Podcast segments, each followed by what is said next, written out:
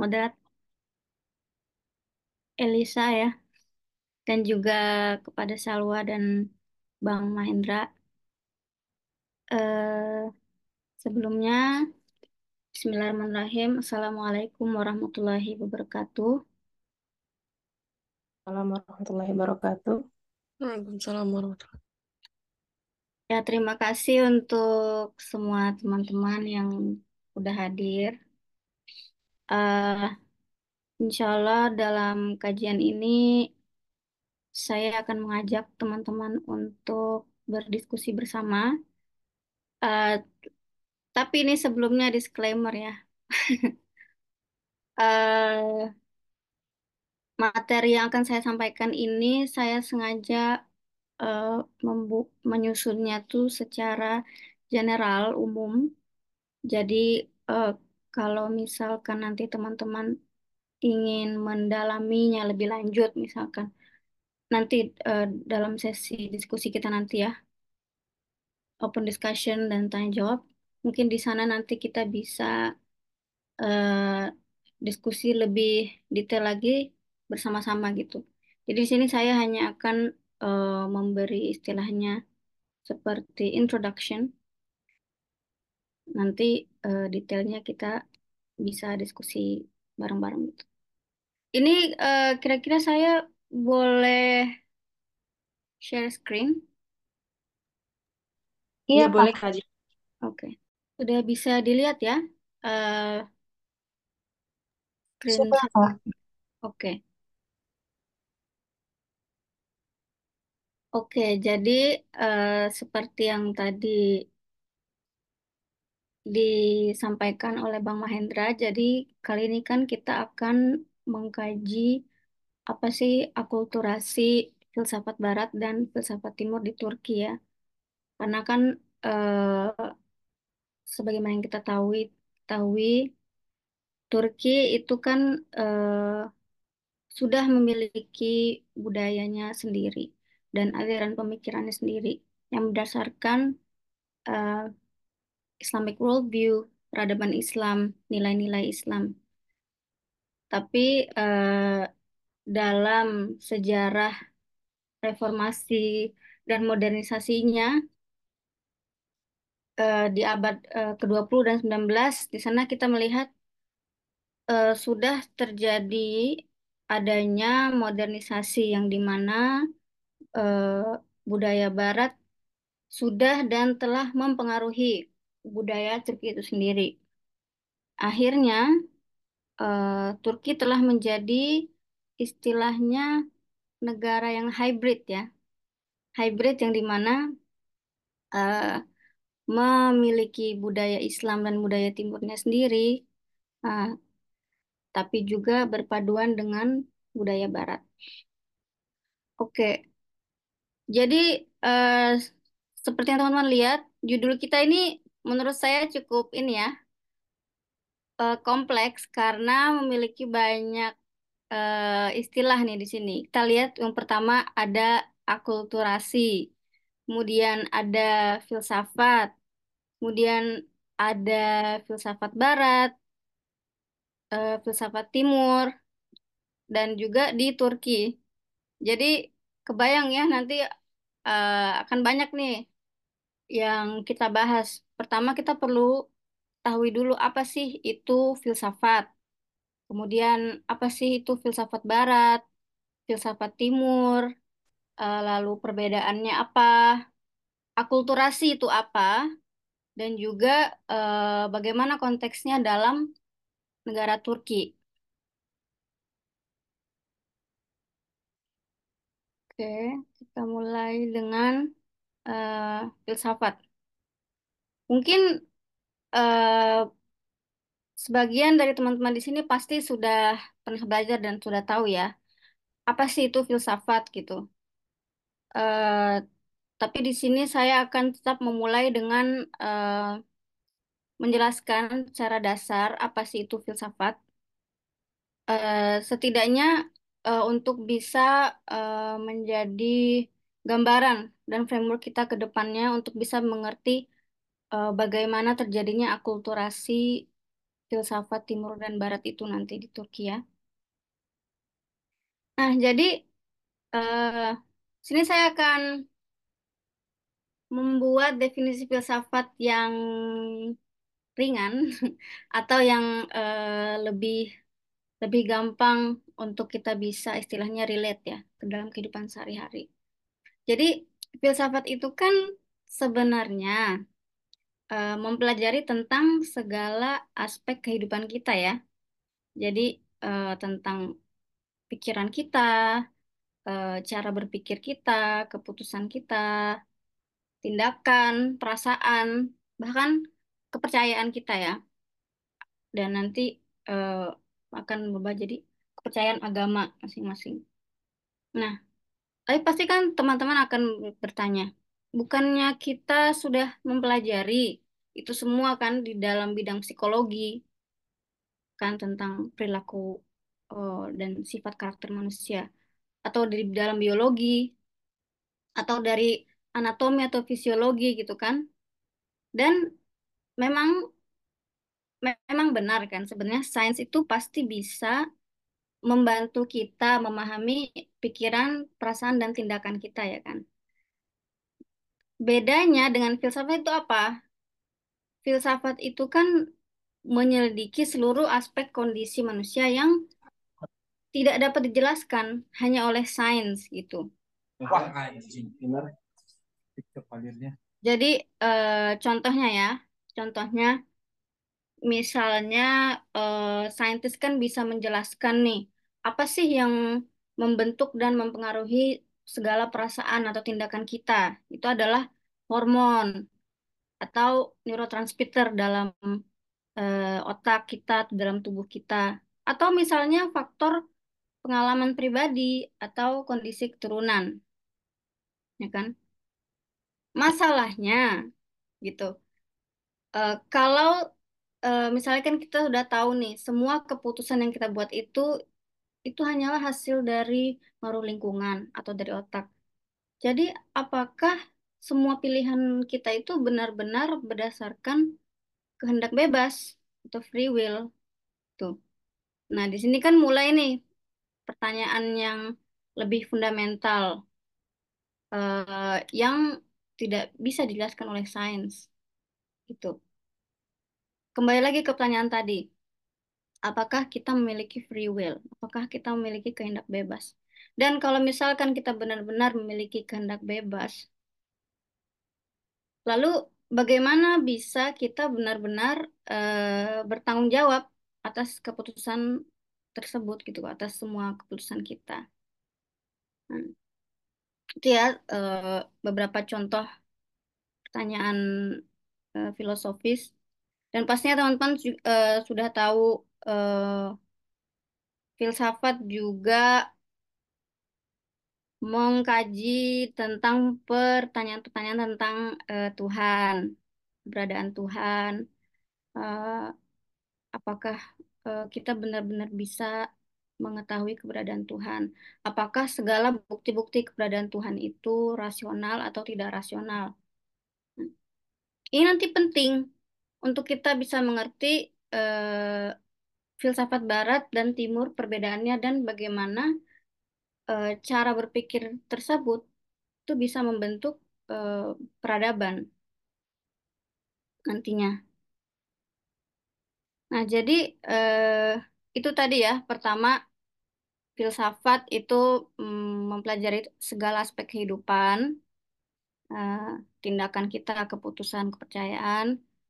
Filsafat juga menjelaskan tentang semua hal yang tidak bisa dijelaskan oleh hanya oleh sains atau natural science. Dan eh, karena tadi, karena filsafat itu juga mempelajari aliran pemikiran kita, akhirnya dari cara berpikir kita itu, filsafat juga bisa eh, berubah menjadi sebuah pandangan hidup. Ya, filsafat sebagai pandangan hidup. Pasti teman-teman eh, pernah dengar kan misalkan ada yang bilang, oh filosofi, misalkan filosofi apa sih filosofi kopi itu kan? oh misalnya oh filosofi itu eh, filosofi kopi eh, memberi apa semangat dan tenaga atau misalnya eh, kopi itu berharga karena eh, mesti melalui proses yang sulit dan panjang ya dan lain-lain ya jadi eh, intinya adalah setiap orang itu pasti memiliki semacam filosofi hidupnya sendiri kan yang tercermin dalam eh, setiap tindakan dan perbuatan kita. Nah, filsafat sebagai pandangan hidup. Karena kita orang Islam, pastinya pandangan hidup kita adalah cara pandang Islam, ya kan? Islamic worldview. Cara pandang hidup yang berdasarkan nilai-nilai dan ajaran Islam. Nah, ajaran Islam ini yang uh, akan menjadi pedoman hidup kita atau filosofi kita. Itu. Uh, dan filosofi itu sendiri secara harfiah artinya kan uh, cinta kepada kebijaksanaan. Filo, cinta, sofia, kebijaksanaan. Nah, filosofi ini uh, arti filosofi cinta kepada kebijaksanaan ini yang uh, berasal dari tradisi filsafat Yunani kuno. Nah, jadi ini yang tadi ya, filsafat sebagai aktivitas rasional. Nah, itu tadi cara berpikir kritis. Dan filsafat juga bisa diartikan sebagai sebuah disiplin ilmu. Ya kan, nanti kita akan lihat macam-macam ada filsafat Timur, filsafat Islam, filsafat India, dan dalam Islam juga nanti kita kan ada tradisi ilmu kalam dan juga perbedaannya dengan falsafah itu sendiri, ya kan? Dan kemudian eh, ketiga kita bisa artikan filsafat sebagai yang tadi pandangan hidup yang nantinya akan membentuk aliran pemikiran yang membentuk budaya dan akhirnya membentuk sebuah peradaban. Oke, uh, sebelum kita mendalami perbedaan filsafat timur dan barat itu, uh, kita akan lihat dulu sejarah uh, filsafat. Oh, ya, maaf, sini ada typo ya, filsafat. Jadi, uh, filsafat sebagai tradisi filsafat barat itu kan berawal dari masa Yunani kuno ya.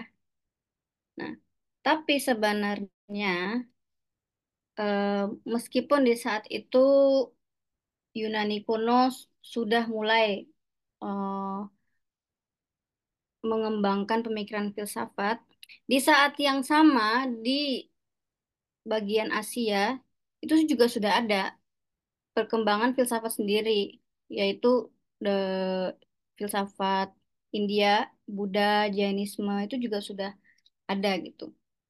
Nah, tapi eh, apa sih yang eh, awalnya mula munculnya filsafat itu? Itu kan sebetulnya eh, filsuf Yunani kuno itu mulainya mereka itu mencoba memahami dan menjelaskan dunia bukan dari mitos gitu. Tapi mereka ingin menjelaskan dunia menggunakan metode karena dulu sebelum uh, adanya Socrates dan sebelum mulainya berpikir kritis filsafat secara filosofis itu budaya Yunani kan mereka menjelaskan dunia berdasarkan metodologi eh, mitos atau legenda. Kan seperti yang kita tahu uh, di budaya Yunani ada yang namanya Dewa Zeus misalnya. Dewa Zeus kan sebagai uh, raja para dewa, uh, mereka percaya bahwa Dewa Zeus itu yang me menguasai langit, uh, membuat badai dan juga ada Poseidon juga kan dewa laut dewa yang membuat gempa bumi dan lain sebagainya. Nah, untuk me untuk menjelaskan fenomena dunia ini, nah, para filsuf awal Yunani kuno itu ingin menjelaskan secara akal rasional. Nah, dan filsuf Yunani pertama pada saat itu ada yang kita sebut sebagai Thales. Thales ini uh, yang pertama kali menjelaskan bahwa asal-usul dunia itu berasal dari air. Jadi segala sesuatu itu diciptakan oleh air, substansi uh, awalnya itu adalah air, gitu. Karena uh, Thales kan uh, berdasarkan observasi observasi empirisnya, observasi menggunakan uh, common sense-nya adalah semua makhluk hidup itu kan membutuhkan air. Semua makhluk hidup itu uh, diciptakan oleh air gitu, memiliki unsur air. Dan Thales karena pemikiran Thales inilah yang menjadi awal dari uh, mulanya uh, berpikiran filosofis atau filsafat di Barat. Tapi pada saat itu sebenarnya yang mereka lakukan adalah uh, pemikiran filsafat alam, yaitu yang kita ketahui sekarang sebagai sains ya. Sekarang kan kita uh, sudah me mengkategorikan semua bentuk ilmu itu menjadi ada namanya biologi, fisika, kimia, ya kan.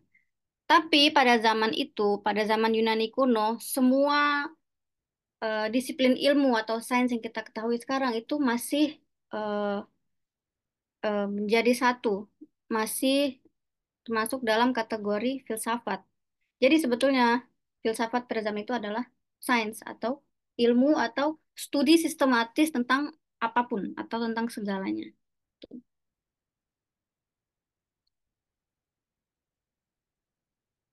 Jadi uh, ini adalah sejarah filsafat khususnya filsafat barat ya. Sekarang uh, saya ingin uh, menjelaskan filsafat secara general itu kita uh, bisa kita uh, bagikan kepada tiga cabang. Ada yang pertama itu metafisika, metaphysics. Yang kedua epistemologi, yang ketiga value theory. Nah, ini value theory ini teori nilai ya. Value theory ini uh, bisa dibagi juga nanti kepada ethics dan aesthetics. Metafisika. Metafisika itu apa sih? Uh, pastikan masih banyak mungkin dari kita yang bertanya-tanya. Metafisika dan filsafat apakah itu sama? Ya, metafisika itu adalah bagian dari disiplin ilmu filsafat itu sendiri. Uh, dalam bidang metafisika kita mempelajari eh, pertanyaan-pertanyaan seperti yang fundamental ya, seperti apakah misalkan dunia ini hanya terdiri dari uh, materi dan energi atau apakah ada unsur lain gitu? Atau misalnya pertanyaan seperti keberadaan Tuhan, apakah Tuhan itu ada? Apakah bukti-bukti keberadaan Tuhan itu rasional dan masuk akal? Atau misalkan uh, pertanyaan yang uh, aneh ya, seperti apakah robot itu uh, punya ruh, punya jiwa gitu? Atau robot itu hanya sekedar materi yang tidak memiliki nyawa gitu. Itu kan pertanyaan-pertanyaan pertanyaan-pertanyaan seperti itu yang uh, dibahas dalam metafisika. Kemudian ada epistemologi. Epistemologi, epistemologi secara harfiah itu studi tentang pengetahuan. Jadi maksudnya eh, pertanyaan seperti apakah semua yang eh, kita lihat itu sebenarnya itu benar? Dan kalau misalkan tidak benar, lalu apa yang benar? Atau apa sih yang dimaksud dengan benar itu? Benar kan eh, bukannya benar kebenaran itu adalah relatif. Dan apakah eh, kita bisa benar-benar yakin dalam mengetahui sesuatu? Contohnya, eh, misalkan kita ya, orang Islam, kita beriman, kita percaya kepada keberadaan Allah. Nah, epistemologi ini yang akan nanti mempertanyakan, apakah benar eh, pengetahuan dan keyakinan kita terhadap Tuhan itu sebetulnya rasional? Bisa jadi eh, bukti-bukti tentang keberadaan Tuhan itu tidak rasional, itu kan? Ya, ini eh, kita eh, tidak akan membahas ini secara detail lagi ya. Ini hanya eh, generalnya aja. Epistemologi yaitu tadi tentang eh, kebenaran, tentang pengetahuan, nah, cara kita bisa mengetahui sesuatu. Kemudian ada value theory atau eh, teori nilai. Nah, teori nilai ini eh, dibagi menjadi ethics dan aesthetics. Nah, kalau ethics kan eh, mempelajari tentang eh, apa yang benar dan yang salah, tindakan eh, moral. Nah, kemudian kalau estetik itu studi tentang keindahan tuh dan, dan tentang seni ya kan. Nah, estetik ini sebenarnya eh, bagian dari teori nilai karena keindahan itu sesuatu yang kita hargai dan kita evaluasi. Makanya eh, mungkin eh, ada yang kaget ya, oh ternyata eh, teori tentang keindahan tuh ya termasuk dalam ilmu filsafat ya. Iya, ethics dan aesthetics. Tapi eh, dalam bidang filsafat tidak banyak sih orang yang mengkaji tentang estetik. Apalagi dalam eh, filsafat Islam ya, jarang, masih jarang. Kemudian eh, ada yang terakhir yang termasuk dalam filosofi itu adalah ilmu logika. Nah, itu saya eh, belum belum mencantumkan di sini. Jadi eh, ilmu logika itu kan eh, ilmu tentang cara berpikir yang benar. Kenapa sih kita perlu berpikir? eh, kita perlu belajar cara berpikir yang benar. Ya karena banyak banyak orang kan yang masih bisa keliru dalam cara berpikir. Itu. Ya, itu logik. Oke, tadi eh, jadi tadi kita sudah bahas ya secara general filsafat sendiri itu apa, eh, cabang-cabangnya, dan kemudian eh, mari kita lihat filsafat Barat. Filsafat Barat sebagai aliran pemikiran peradaban Barat kan eh, dimulai dengan filsafat Yunani kuno ya, seperti yang tadi saya sudah sebutkan. Perkembangan awalnya ya itu tadi di Eropa dan negara-negara sekitar Mediterania. Eh, dan fondasinya, fondasi filsafat Barat ini eh, akhirnya eh, telah membentuk ciri-ciri utamanya itu yang bisa kita lihat di sini. Eh, ciri-ciri fondasinya itu penyelidikan rasional, humanisme dan individualisme, kemudian ada juga sebenarnya iman dan akal, faith and reason, dan eh, secularism. Kan? Penyelidikan rasional maksudnya maksudnya seperti apa? Contohnya yang kita lihat tadi dalam filsuf Yunani kuno kan ada Thales yang menyebut eh, teori substansi dunia itu itu adalah air. Dunia itu eh, terbentuk eh, dari air. Kemudian ada Anaximander, ada Heraklitus. Nah, jadi mereka itulah yang memulai tradisi penyelidikan secara rasional, bukan eh, berdas- bukan berdasarkan mitos atau eh, legenda. Jadi mereka mem- berusaha memahami dunia melalui nalar dan observasi gitu. Itu tadi penyel- penyelidikan rasional ya menggunakan pikiran. Kedua, humanisme dan individualisme. Humanisme ini kan khususnya eh, muncul pada masa Renaissance ya. Pada saat itu kan eh, humanisme ini menandai pergeseran fokus nih dari pandangan dunia yang berpusat kepada ketuhanan, kepada hal-hal gaib, kepada mitos, kepada kepercayaan. Nah, berubah menjadi pendekatan yang berpusat kepada manusia. Itu. Itu humanisme dan individualisme. Jadi, yang dulunya eh, yang dulunya mereka percaya nih adanya dewa, adanya Tuhan, adanya hal-hal gaib yang mengendalikan dunia, eh, yang membentuk eh, sifat dunia. Nah, sekarang mereka eh, merubah fokusnya kepada akal manusia, humans. Kebenaran itu bisa kita dapat eh, melalui akal pikiran kita sendiri. Kita tidak butuh Tuhan. Kita tidak butuh wahyu, tidak butuh agama.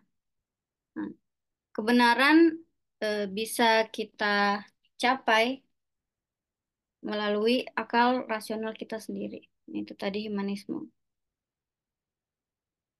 Kemudian eh, iman dan akal. Nah, ini seharusnya eh, iman dan akal ini sebelum humanisme ya.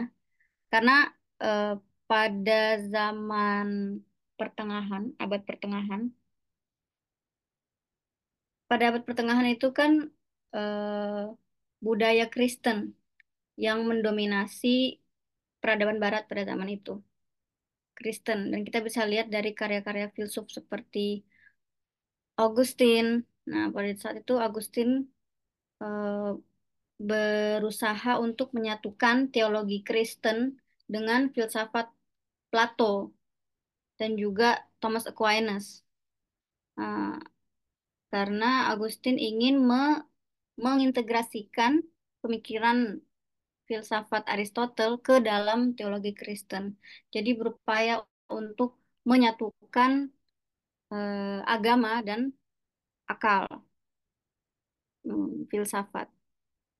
Tapi setelah eh, melewati dan seles- eh, selesai zaman pe- pertengahan itu, kita masuk ke tadi masa Renaissance yang di mana budaya Barat mereka meninggalkan agama, meninggalkan Tuhan, mereka eh, fokus ke individualisme, ke akal rasional masing-masing. Dan yang terakhir ya pastinya karena mereka meninggalkan agama terjadilah eh, secularism. ya kan? Secularism yang di mana mereka memisahkan antara agama dan sains. Jadi dari jadi dari penjelasan yang tadi kita bisa lihat ini ada reference eh, yang menyebutkan the West as a civilization was created by the convergence of three cultural forces, namely the Greek and Roman legacy, Christianity and the custom of Germanic folks. Jadi Barat sebagai eh, sebuah peradaban itu kan tercipta dari perpaduan dari tiga eh, budaya ini. Itu tadi kan warisan Yunani atau Yunani kuno dan juga Romawi, ya Eh, budaya budaya Romawi yang eh, terbentuk dari budaya Yunani, kemudian tradisi agama Kristen dan juga eh, kebudayaan Jermanik kuno. Oke, itu tadi eh, filsafat Barat ya. Jadi yang tadi kita eh, sudah ketahui sejarahnya berawal dari Yunani kuno, kemudian eh, aliran pemikirannya juga eh, terbentuk dari tradisi Kristen yang sebagaimana tadi saya sudah sebut ya ada contohnya Augustine pada zaman pertengahan yang eh, berupaya untuk mengintegrasikan itu tadi eh, pemikiran filsafat Aristotle ke dalam teologi Kristen. Dan juga eh, kebudayaan Jermani kuno itu juga yang mem- membentuk filsafat Barat atau Barat sebagai eh, peradaban. Bedanya apa dengan filsafat Timur?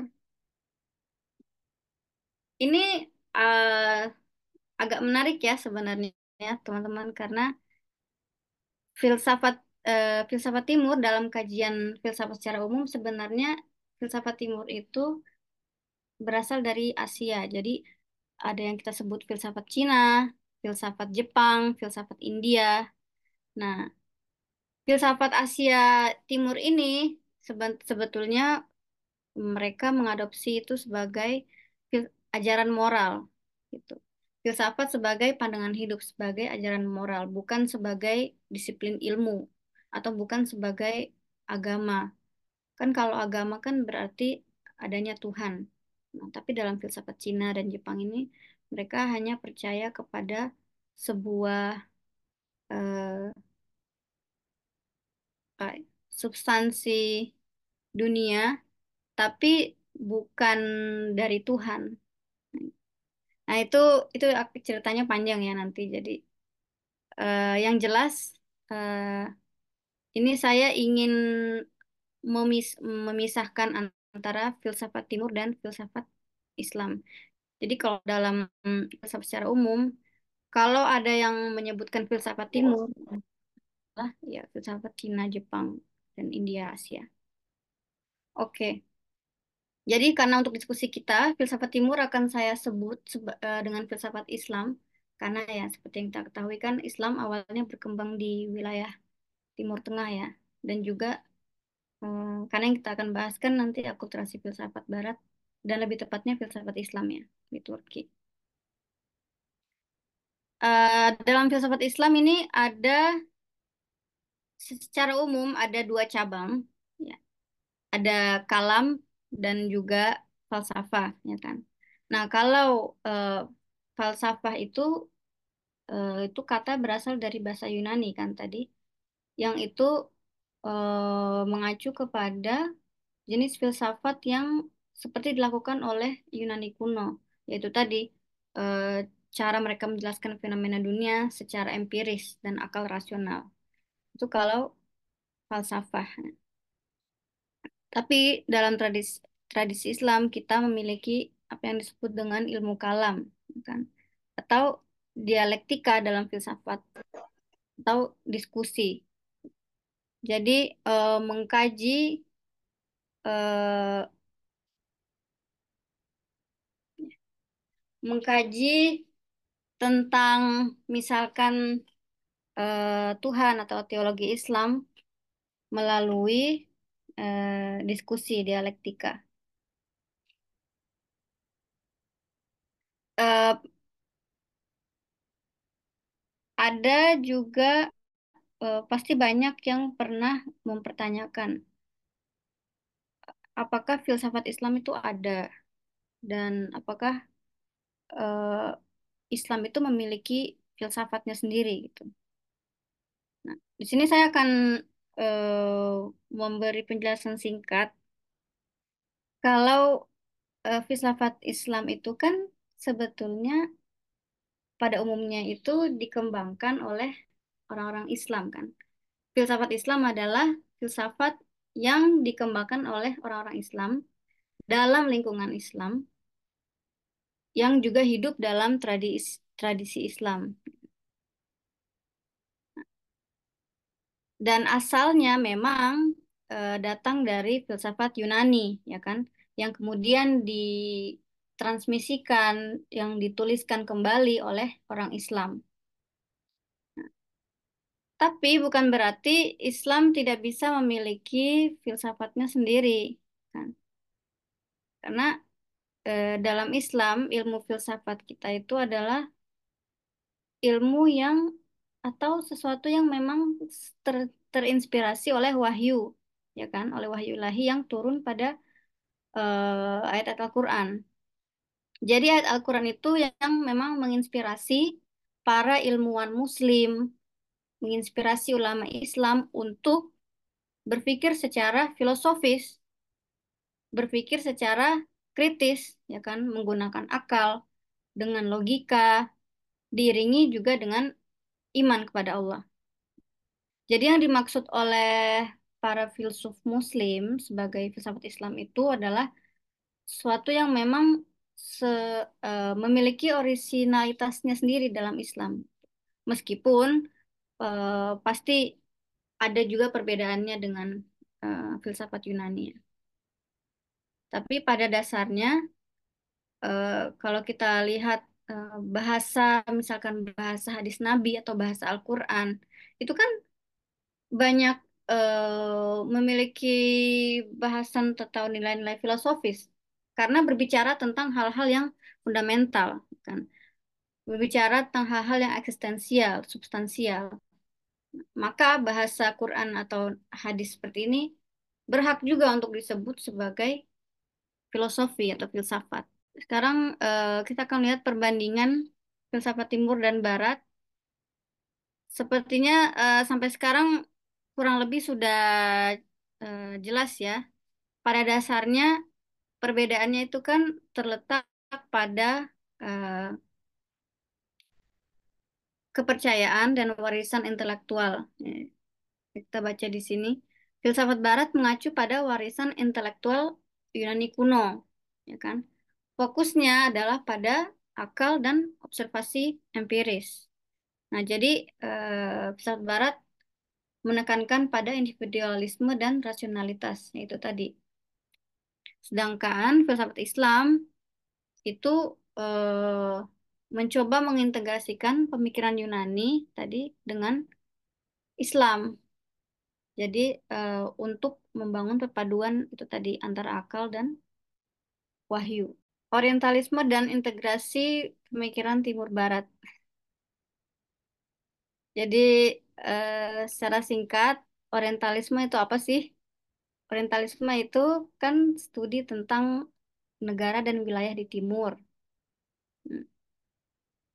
Dan di sini ada quote, The East is represented as an anti-America, hypocrite, manipulative, untrustworthy, rude, barbaric, religious, traditional, rough, and dirty. Jadi, uh, menurut para orientalis itu, Timur itu kan direpresentasikan sebagai negara yang anti Amerika atau anti Barat, munafik, manipulatif, tidak dapat dipercaya, kasar, barbar, religius, tradisional, dan intinya tidak berperadaban.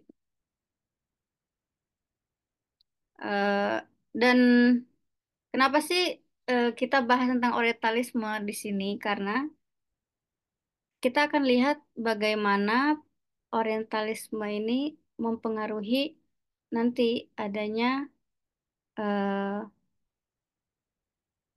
perpaduan antara pemikiran dan budaya Timur Barat di dunia-dunia Islam dan juga di di Turki.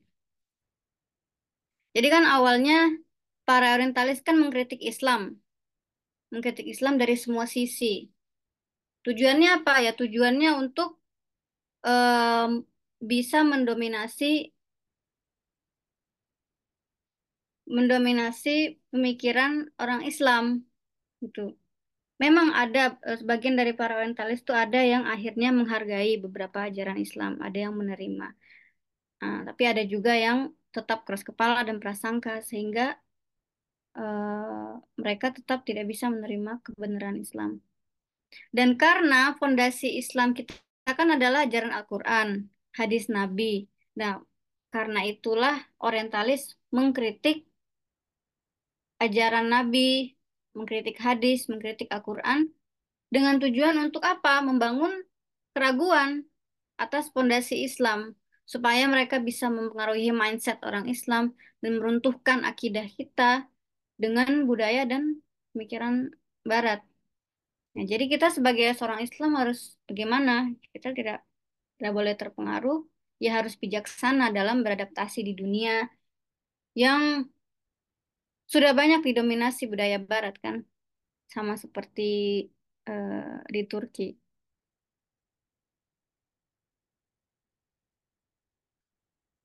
Akulturasi nilai-nilai Islam dan Barat di Turki. Kita mulai dari akulturasi. Akulturasi itu apa sih?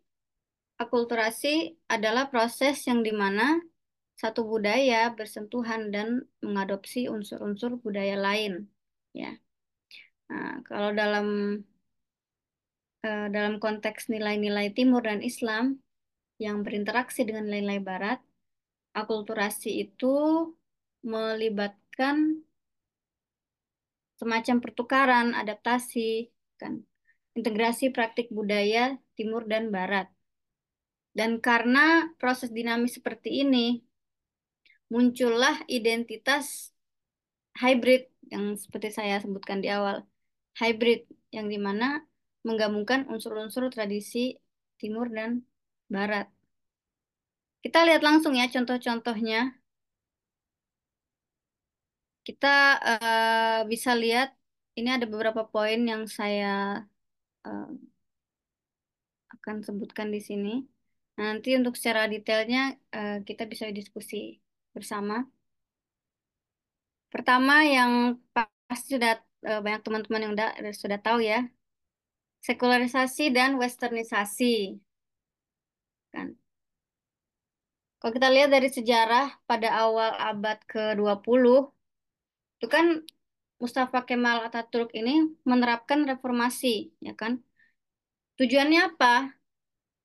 Untuk itu tadi, untuk memodernisasi uh, Turki supaya uh, bisa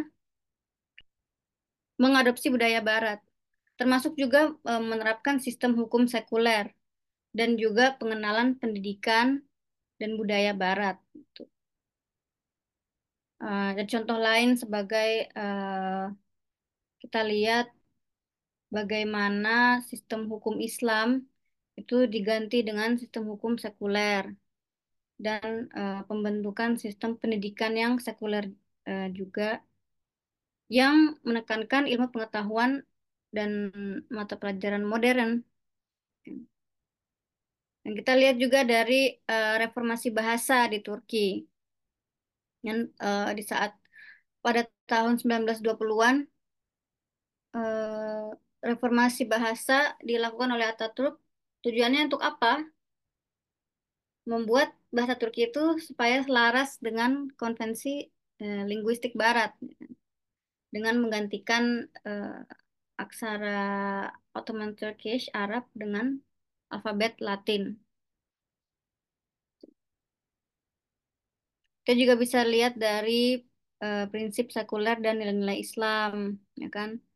Uh, contohlah dari situasi politik, kita bisa lihat konflik antara uh, prinsip sekuler Islam, misalkan dalam perdebatan mengenai isu seperti pemakaian hijab, pendidikan agama, dan juga peran agama dalam kehidupan publik ya kan. Dulu kan e, contohnya perempuan yang berhijab e, masih dilarang e, untuk apa berkuliah atau bersekolah. Dan juga e, agama itu tidak boleh e, me tidak boleh mempengaruhi uh, interaksi eh, eh, interaksi sosial antara antara masyarakat Turki. Agama itu adalah hal yang pribadi. Dan kita juga bisa lihat dari ketegangan antara uh, partai politik ya kan. Partai JHP dan juga AKP. Kemudian jembatan antara timur dan barat. Oh ya, ini sudah jelas ya karena posisi geopolitik Turki, ya Turki menjadi jembatan antara negara timur dan barat.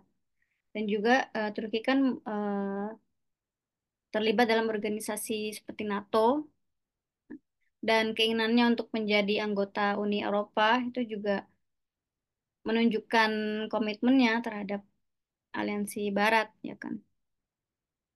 Dan perpaduan budaya di kawasan perkotaan, ya khususnya di kota seperti Istanbul, ya kita bisa melihat uh, perpaduan gaya hidup timur dan barat.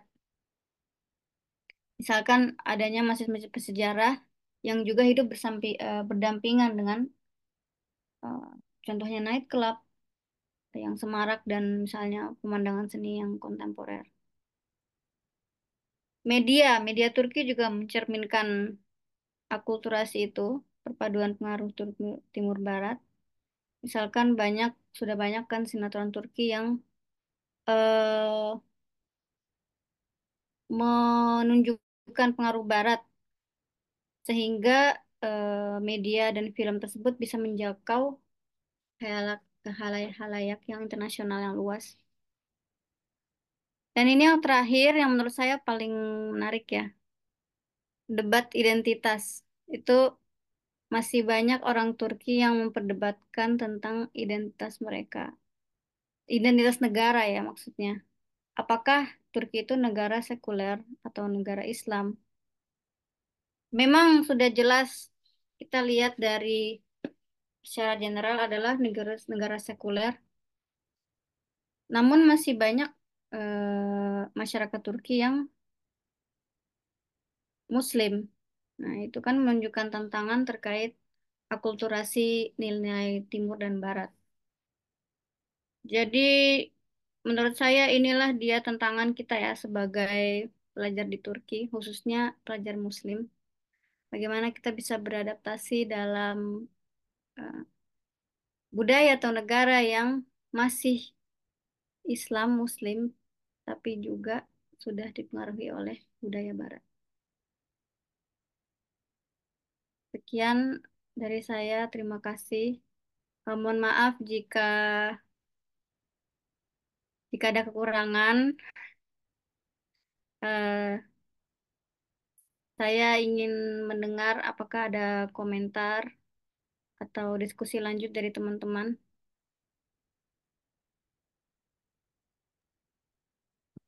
Baik, terima kasih kepada Kak Jihan Sansabila yang telah memaparkan materi terkait dengan tema kita, yaitu akulturasi filsafat Barat dan filsafat Timur di Turki. Dan dari tadi beliau sudah menjelaskan dari hal-hal yang fundamental, baik uh, dari pengertian filsafat, orientalisme, dan seterusnya, sehingga kita yang mungkin di antara kita ini ada yang belum mempelajari filsafat sudah mendapatkan pandangan tentang filsafat dari dasar gitu sampai kepada tema kita tentang akulturasi seperti itu. Dan sekarang saya mempersilahkan kepada para peserta jika ada yang ingin bertanya, uh, berpendapat, atau sekedar menanggapi dari apa yang disampaikan Kak Jihan tadi, dipersilahkan teman-teman.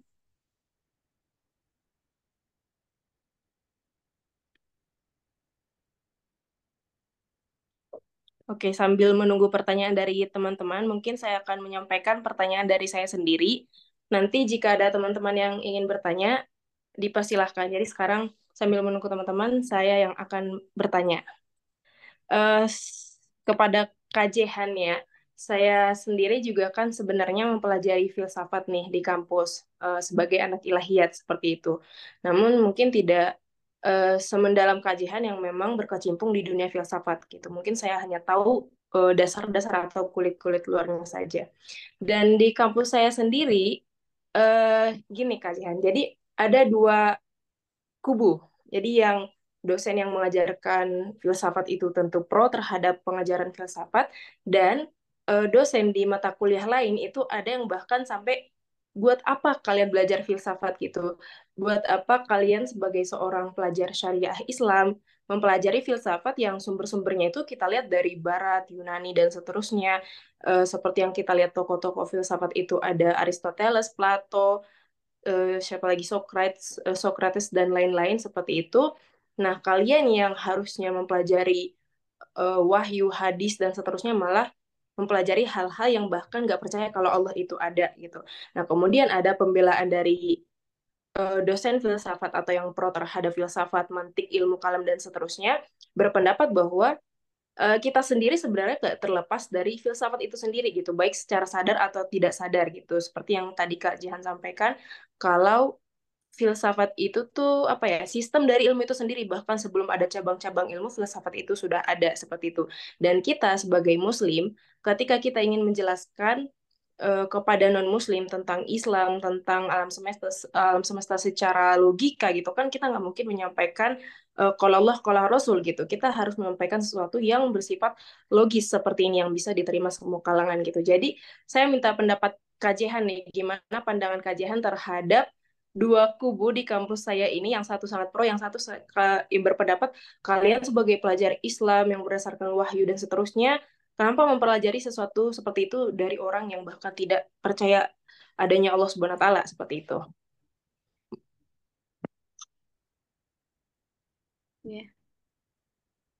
Uh, pertama, saya ingin bertanya kepada Elisa sendiri menurut uh, menurut Elisa apakah ada kesalahan dalam masing-masing kubu ini dalam pengertian apa sih itu filsafat?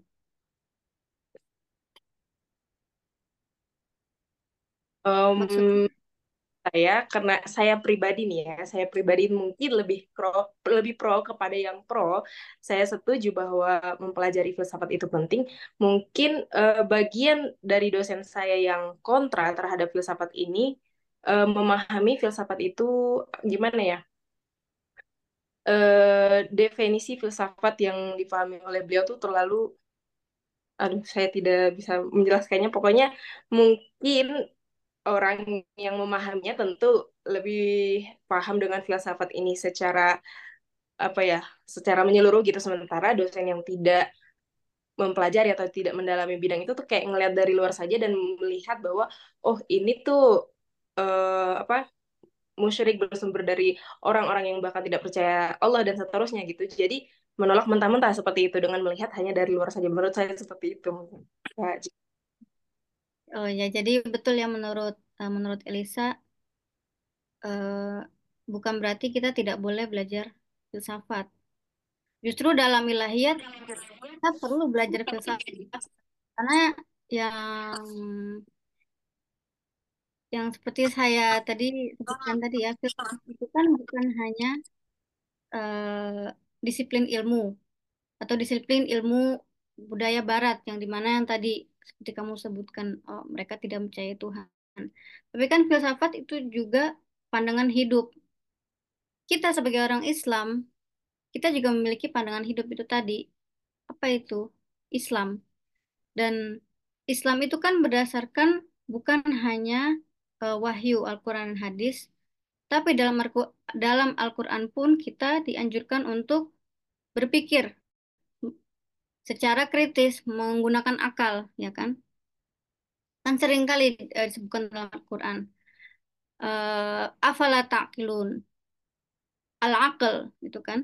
Uh, itu sebetulnya uh, dengan dengan mereka mengkritik uh, dengan kita mengkritik orang lain dan kita memiliki uh, alasan-alasan kita untuk mengkritik orang itu. Misalkan, oh kita mengkritik filsafat, kita tidak boleh uh, berfilsafat.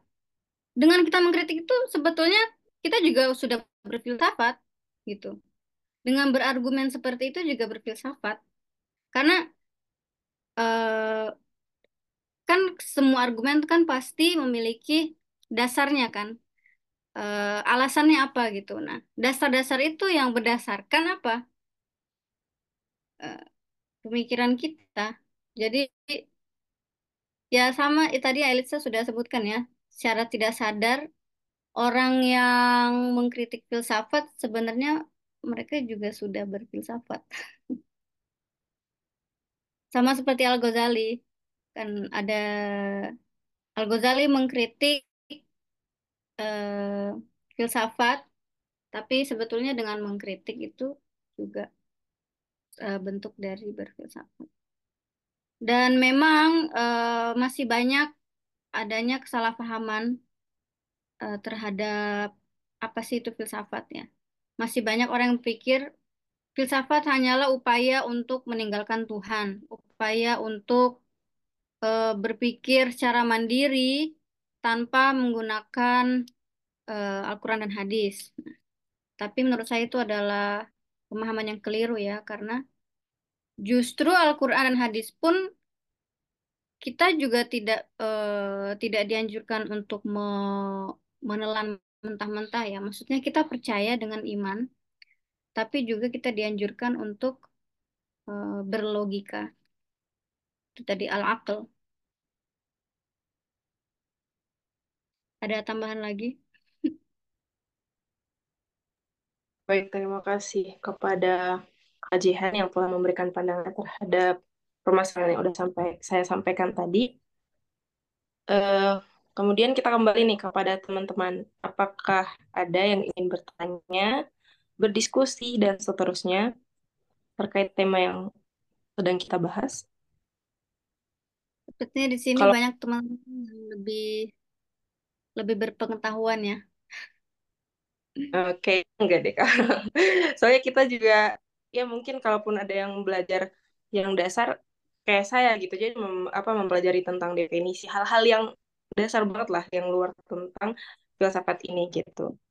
Jadi sebenarnya kita mengharapkan banget nih eh, dari apa wawasan dari kajian yang sebenarnya udah kita dapatkan di pemaparan materi tadi, tapi kalau bisa nih dari teman-teman kita mengharapkan apa eh, keinginan untuk berdiskusi gitu.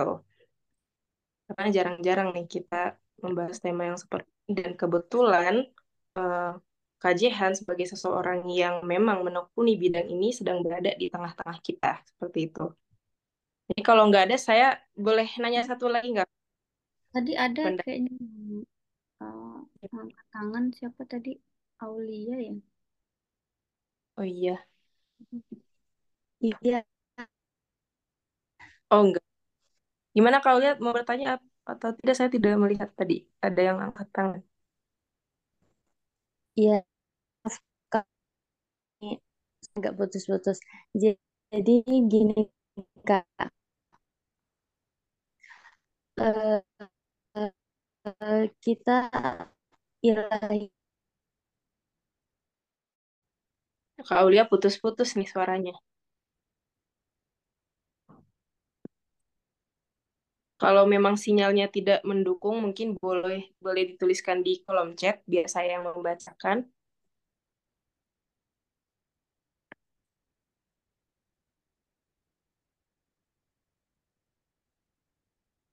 Gimana Kak Aulia? Atau sedang menulis biar kita tunggu lanjut dulu. Oke, sambil menunggu pertanyaan dari Kak Aulia, mungkin nanti akan dituliskan di kolom chat atau menunggu sampai sinyalnya lebih bagus. Saya punya pertanyaan satu lagi nih, Kak Jehan.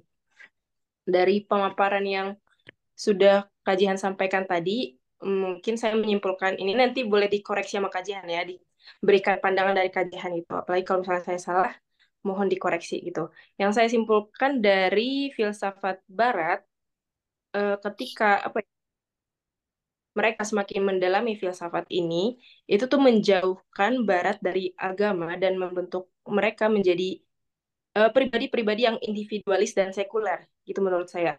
Eh, apalagi tadi kan prinsip-prinsip filsafat Barat juga disebutkan seperti itu, salah satu ciri khasnya tentang sekuler gitu. Dan kemudian eh, filsafat Timur atau dalam konteks yang sedang kita bahas ini filsafat Islam itu justru mendekatkan para penganutnya kepada agama, kepada Allah Subhanahu wa taala karena dia tuh mengko- mengkolaborasikan eh, dalil seperti Al-Qur'an dan hadis dan juga filsafat-filsafat dari Yunani gitu. Jadi sisi positif yang didapat dari filsuf-filsuf Yunani kemudian dikolaborasikan dengan Al-Qur'an hadis gitu dan seterusnya. Apakah begitu kajian? Saya mohon arahannya dan pencerahannya dari kajian. Iya betul, betul sekali. Akurat. Oke, terima kasih. Sayangnya, eh, menurut saya ini salah satu kesalahpahaman juga terhadap filsafat Barat. Eh, kan banyak orang yang masih berasumsi bahwa filsafat Barat itu hanyalah eh, pemikiran-pemikiran yang sekuler, kan, yang meninggalkan agama, meninggalkan Tuhan. Padahal, da, kalau kita lihat dari sejarah filsafat Barat, di zaman pertengahan itu tadi, justru eh, budaya Barat itu pernah ya pernah eh, seperti Agustin eh, mencoba untuk me, eh, membuat perpaduan tadi antara eh, Kristen ya kepercayaan agama Kristen dan juga akal filsafat gitu. Tapi sayangnya eh, setelah zaman pertengahan itu eh, datang Renaissance ya mereka mulai meninggalkan otoritas agama, otoritas uh, gereja berubah menjadi uh, uh, hanya berfokus dan berdasarkan kepada akal rasional manusia sendiri. Baik, terima kasih. Kemudian pertanyaan dari Kauli Imtihani sudah masuk, eh, izin saya bacakan. Apakah ilmu filsafat memiliki batasnya, Kak? Karena banyak orang yang takut terlalu percaya dengan mendalami filsafat. Kemudian, eh, adakah kata sederhananya nggak untuk ilmu filsafat sendiri untuk orang yang masih belum terlalu tahu filsafat? Terima kasih. Oke, untuk pertanyaan pertama, menurut saya pribadi, apakah ilmu filsafat memiliki batas? Hmm, menurut saya, kita sebagai orang Islam ya, batasan kita pastinya adalah ajaran dan nilai-nilai Islam, gitu. Kan eh, cara berpikir kita sebagai orang Islam, kita harus tetap dan selalu berada dalam uh, bingkai framework akidah kita ya, syariah gitu. Contohnya nih, pada uh, dasarnya tauhid ya kan. Sebagai orang Islam kita percaya uh, adanya Allah Tuhan yang Maha Esa. Nah, jadi ketika kita uh, berfilsafat atau uh, belajar filsafat, kita uh, tidak boleh melewati batasan itu tadi. Tidak boleh melewati batasan kepercayaan kita terhadap Tuhan. Ketika sudah ada orang yang menentang nih keberadaan Tuhan, ya, eh, di situlah menurut saya kita perlu eh, be berdiri kepada prinsip kita sendiri bahwa tidak apa pun argumen yang Anda berikan terhadap keberadaan Tuhan, eh, apa pun yang eh, Anda sebutkan argumen tentang Tuhan itu tidak ada, itu ya saya tidak akan percaya dan tidak akan menerima karena pada dasarnya uh, filsafat hidup saya sendiri, filosofi hidup saya adalah Islam yang di mana kita percaya adanya Tuhan. Jadi uh, menurut saya memang sedikit sulit ya karena kalau uh, kita memiliki akidah yang misalkan sudah terlalu terpengaruhi oleh budaya Barat, pemikiran Barat, bisa saja kita uh, uh, ya itu tadi seperti orang bilang jadi ateis dan memang uh, bisa dimengerti kenapa jadinya banyak orang yang takut ya mendalami filsafat. Kalau untuk pertanyaan kedua, kata sederhana, menurut saya kata sederhana yang paling ringan ya, yang paling sederhana tentang filsafat itu intinya filsafat adalah uh, cara berpikir kritis. Itu saja. Cara berpikir kritis. Dan itu bisa kita lihat dari uh, sehari-hari kita. Misalkan berpikir kritis dalam, misalnya, apakah saya perlu uh, berkata jujur atau tidak jujur? Yang mana yang benar, yang mana yang salah? Itu kan, kan itu kan bentuk berpikir kritis ya. Nah, berpikir kritis semacam itulah sebetulnya itu uh, merupakan filsafat. Gitu. Nah, kalau kita uh, aplikasikan ke apa ya aspek yang lebih luas, ya contohnya dalam agama, itu apakah saya perlu uh, saya perlu percaya dengan Tuhan atau saya tidak perlu percaya dengan Tuhan. Alasannya apa? Itu kan juga bentuk berpikir yang kritis. Itu sih kurang lebih dari saya. Semoga menjawab pertanyaannya Aulia, Kak Aulia. Ya, baik atas eh, terima kasih atas jawabannya Kak Jihan. Tadi saya lihat ada salah satu teman kita yang juga angkat tangan, Muhammad Sambo. Gimana? Ada pertanyaan? Oh, iya Kak, kedengaran suara saya. Dengaran, silakan. Oh iya, apa namanya? Eh, saya menarik tadi yang dijelaskan ya. Saya ini juga baru belajar filsafat ya, karena bidang saya bukan filsafat gitu.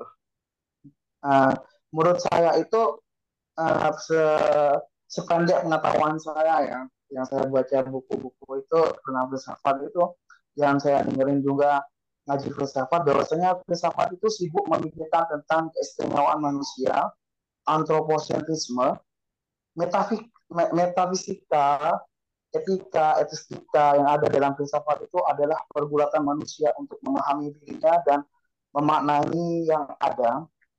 Filsafat menurut saya itu membatasi diri dalam horizon manusia dan merasa sebagai pengamat dan satu-satunya entitas pemberi makna. Sedangkan filsafat-filsafat yang dicetuskan oleh pendahulu dulu kayak Socrates, Aristoteles itu sama aja gitu. Udah uh, dia dia of filosofi gitu. Udah udah udah udah tidak bisa digunakan lagi untuk sekarang gitu di era teknologi dan kemajuan sains gitu. Contohnya saja uh, apa namanya uh, ketika pada masa COVID-19 gitu, mana ada banyak mana ada ahli-ahli filosofer, ada apa uh, ahli filsafat yang bisa memecahkan tentang ini apa tentang COVID-19. Tidak ada. Yang banyak itu para ahli saintifik gitu, ahli sains. Tidak ada ahli filsafat yang merancang seperti itu. Terus tentang nuklir, uh, semuanya kan ahli sains gitu. Terus Elon Musk, bagaimana Elon Musk mau ke bulan gitu. Itu kan kemajuan teknologi dengan kemajuan sains gitu. Sains itu kan bersikap kritis dan skeptis sebagai metode, bukan modus. Fakta temuan dalam sains itu dan sains kan ada fakta, temuan, dan teori sains yang valid mudah disepakati. Karena bukti objektif tidak mem membuka peluang bagi sentimen egoisme saintis. Sains bersifat optimis, uh, selalu berupaya membuktikan hipotesa dan menjawab rasa ingin tahu gitu. Seperti Elon Musk ingin pergi ke bulan, itu kan menggunakan sains gitu, sains. Uh, menurut uh, pertanyaan saya itu, ini enggak relevan enggak filsafat itu untuk menjawab problematika uh, masa kini yang di mana semua itu di cover oleh sains dan teknologi. Seperti sekarang ini kan kita bisa bertemu di sini karena teknologi, karena adanya sains. Bukan filsafat ini kita bisa. Ini Zoom ini bukan buat boleh bukan ahli filosofer ini yang buat, tapi ahli teknologi dan sains seperti itu. Itu pertanyaan saya. Cukup. Ya, yang ya um, memang betul kalau dari segi pengaplikasiannya ya, maksudnya secara praktikal, pastinya eh, sains atau teknologi itu kan lebih relevan ya dengan aktivitas sehari-hari kita. Contohnya sains juga, sains yang menjawab, eh, misalnya sains yang menjawab kenapa adanya gravitasi bumi misalnya, gitu kan. Sains yang menjawab uh, adanya atom gitu kan. Sains yang menjawab kenapa uh, kenapa bisa turunnya hujan gitu. Dan yang lain ya. Memang betul sains menjawab itu. Uh, sains menjawab uh, kenapa bisa uh, kenapa adanya gravitasi. Eh, apa? Kenapa uh, bagaimana gravitasi itu uh, berfungsi gitu dalam bumi ya contohnya. Itu sains. Tapi yang sains tidak bisa menjawab itu uh, adalah kenapa bisa kok kok bisa ada eh, adanya bumi gitu? Apakah eh, apakah bumi dan dunia itu sudah ada dengan s- dengan sendirinya atau eh, atau apakah ada penciptanya? Ya. Nah, itu pertanyaan-pertanyaan seperti itu memang eh, bukan yang dijawab oleh sains dan memang tidak selalu relevan gitu kan dalam eh, keseharian kita. Tapi tanpa adanya pondasi ini, eh, terkadang sains tidak bisa berkembang sebetulnya menurut saya ya. Karena hmm, biasanya kalau misalkan ingin bertanya tentang segi filsafat yang paling relevan menurut saya itu dari segi etika sih.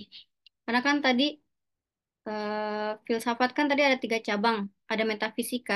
Metafisika memang memang yang jarang jarang relevan de- terhadap kehidupan sehari-hari kita mungkin ya. Eh, tapi kan ada namanya epistemologi dan ethics. Ethicsnya itu tadi tentang eh, apa yang baik dan benar. Misalkan eh, tentang astronot yang ingin ingin ke bulan eh, atau atau misalnya contoh lainnya. Kalau itu terlalu jauh mungkin. Misalnya tentang eh, human rights gitu. Eh, apa sih batasan orang eh, kapan eh, kita eh, kapan eh, seseorang itu berhak atau pantas untuk dihukum gitu. Atau kapan seseorang itu eh, tidak pantas dihukum gitu. Apa yang baik dan benar. Eh, contohnya seperti itu. Ada juga dalam ethics itu yang kita bisa eh, yang relevan itu adalah istilah utilitarianism. Nah, itu itu teori yang berdasarkan eh, tentang eh, apa namanya? bahwa hal yang baik dalam kehidupan sosial itu adalah keputusan yang memberi manfaat lebih besar kepada orang gitu. Misalnya contoh nih, eh, contoh eh, kita harus memilih antara me- menyelamatkan satu orang tapi mengorban eh, eh, tapi mengorba- mengorbankan 100 orang atau kita menyela kita menyelamatkan 100 orang tapi mengorbankan satu orang atau membunuh satu orang. Yang mana yang benar gitu. Apa yang harus kita lakukan? Nah, itu eh, itu yang dibahas dalam filosofi etik gitu. Kalau menurut utilitarianism yang benar adalah eh, kita harus menyelamatkan 100 orang karena nyawa satu orang itu eh, nggak eh, nggak sebanding, tidak sebanding ya. Nyawa satu orang tidak sebanding dengan nyawa 100 orang. Jadi tidak masalah, tidak masalah kita membunuh satu orang demi menyelamatkan 100 orang gitu. Nah, tapi ada juga yang berargumen bahwa itu tidak benar. Ada yang berargumen bahwa semua nyawa itu eh, eh, berhak gitu untuk diselamatkan. Kita tidak bisa mengorbankan satu nyawa demi nyawa orang lain. Itu contoh-contoh yang menurut saya yang le- paling dekat ya dengan praktikal dan sehari-hari gitu. Kalau metafisika lebih ke eh, itu tadi kepercayaan agama kita. Gitu. Ya, semoga menjawab pertanyaan eh, Mas Ahmad tadi. Baik, terima kasih Kak Jehan. Ada satu pertanyaan terakhir sebelum kita mengakhiri sesi ini. Eh, ada pertanyaan dari Shalwa Nabila. Saya ingin bertanya, dalam ilmu filsafat sendiri mengajarkan untuk berpikir kritis. Nah, bagaimana ilmu filsafat itu menjadikan seseorang menjadi sosok yang kritis dan bagaimana kerangka yang diajarkan oleh ilmu filsafat itu sendiri? Hmm, ya, filsafat mengajarkan untuk berpikir kritis. Kerangkanya, menurut saya ini pertanyaan yang menarik ya, pertanyaan yang bagus. Kalau menurut saya, apa sih yang membuat orang berpikir kritis itu adalah eh, keingin eh, apa ya keingin tahuan yang lebih dalam ya. Misalkan eh, bertanya tentang eh, bukan hanya apa, tapi kenapa dan bagaimana. Misalkan eh, ini ada sebuah pulpen ya. Eh, misalnya eh, kita bertanya ini apa? Oke, ini pulpen gitu. Tapi atau ini pensil misalkan. Nah, kalau berhenti di situ, ya kita eh, tidak kritis gitu kan. Tapi kalau kita berlanjut kepada bagaimana dan kenapa, nah itu kita eh, mulai berfilsafat. Contohnya, ini apa? Ini pulpen. Kenapa ini disebut dengan pulpen? Kenapa ini tidak disebut sebagai buku atau kenapa tidak disebut sebagai meja? Dan bagaimana gitu? Bagaimana eh, pulpen ini bisa eh, terbentuk seperti ini gitu contohnya. Dan itu hal-hal hal-hal yang seperti itu ya. Dan memang eh, apa tidak selalu tidak selalu penting dan tidak selalu relevan, tapi terkadang perlu kita ketahui juga apa sih perbedaan dari pulpen dan meja atau misalkan yang yang relevan juga pembahasan tentang LGBT misalkan. Kan banyak itu eh, debat antara apa sih definisi wanita dan lelaki gitu. Wa- Wanita itu apa, lelaki itu apa? Apakah eh, wanita itu bisa dide- didefinisikan cukup dengan eh, eh, secara biologisnya? Oke, wanita adalah eh, manusia yang memiliki ciri-ciri biologis seperti ini. Nah, kalau laki-laki lain. Lalu bagaimana dengan transgender gitu? Apakah eh, transgender itu atau misalnya eh ya LGBT itu eh, mereka apakah mereka tetap termasuk manusia atau tetap wanita atau lelaki? Ya, itu kan itu kan menjadi problem kan? Oh iya. Ya, sama-sama Mas Muhammad Sambo tadi. Ya, itu eh, kurang lebih dari saya ya. Ber- berpikir kritis itu tidak berhenti pada definisi awalnya, tapi terus eh, bertanya. Tapi perlu tahu batasannya juga ya. Jangan sampai kita meninggalkan agama seperti eh, filsafat barat yang pada umumnya. Yang dari saya. Baik, terima kasih Kak Jehan atas jawaban-jawabannya dan juga terima kasih kepada teman-teman yang sudah bertanya. Sebelum kita mengakhiri sesi ini, izinkan saya menarik sedikit kesimpulan dari pertemuan kita kali ini. Dari awal tadi sudah dibahas mengenai filsafat, bahkan dari hal yang paling dasar untuk memberi wawasan kepada kita, mungkin di antara kita ada yang belum belajar filsafat, belum mengenal filsafat, sehingga sampai pada perbandingan antara filsafat timur dalam hal ini, dalam konteks yang sedang kita bahas ini, kita mengangkat filsafat Islam dan juga filsafat barat, dengan beberapa fondasinya yaitu filsafat barat mengacu pada warisan intelektual Yunani kuno dengan fokus pada akal dan observasi empiris. Filsafat barat ini lebih menekankan pada individualisme dan rasionalitas.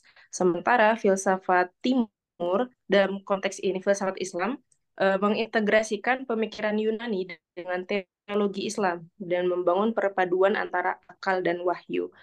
Dan kemudian kita juga menyaksikan bahwa uh, praktek art uh, akulturasi nilai-nilai Islam dan Barat ini dapat kita temukan di Turki, di antaranya sekularisasi dan westernisasi, reformasi bahasa yang dari Osman Leja itu ya kepada bahasa Turki modern, kemudian prinsip sekuler dan nilai-nilai Islam, perpaduan budaya di kawasan perkotaan dapat kita lihat dari seperti yang tadi disampaikan oleh Kajehan dari misalnya ada masjid yang besar di sampingnya itu ada klub dan seterusnya gitu.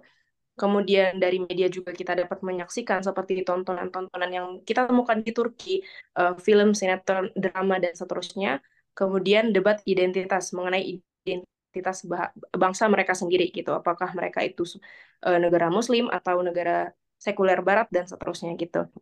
Dan saya ucapkan terima kasih banyak kepada Kajehan dari pemaparan materi tadi kita mendapatkan insight, mendapatkan banyak wawasan baru terkait filsafat dan lebih spesifiknya tentang akulturasi filsafat Barat dan Timur ini. Dan sebelum kita mengakhiri sesi ini, eh, kita adakan foto bersama dulu untuk teman-teman yang sedang musai.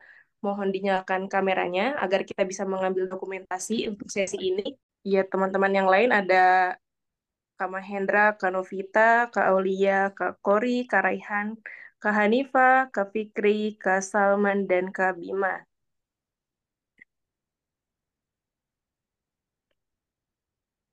Mungkin kita tunggu satu menit lagi untuk teman-teman yang lain. Mungkin ada yang masih bisa bergabung dengan kita untuk mengambil dokumentasi. Semoga bermanfaat dan semoga ya menambahkan ilmu ilmuwan meskipun sedikit ya.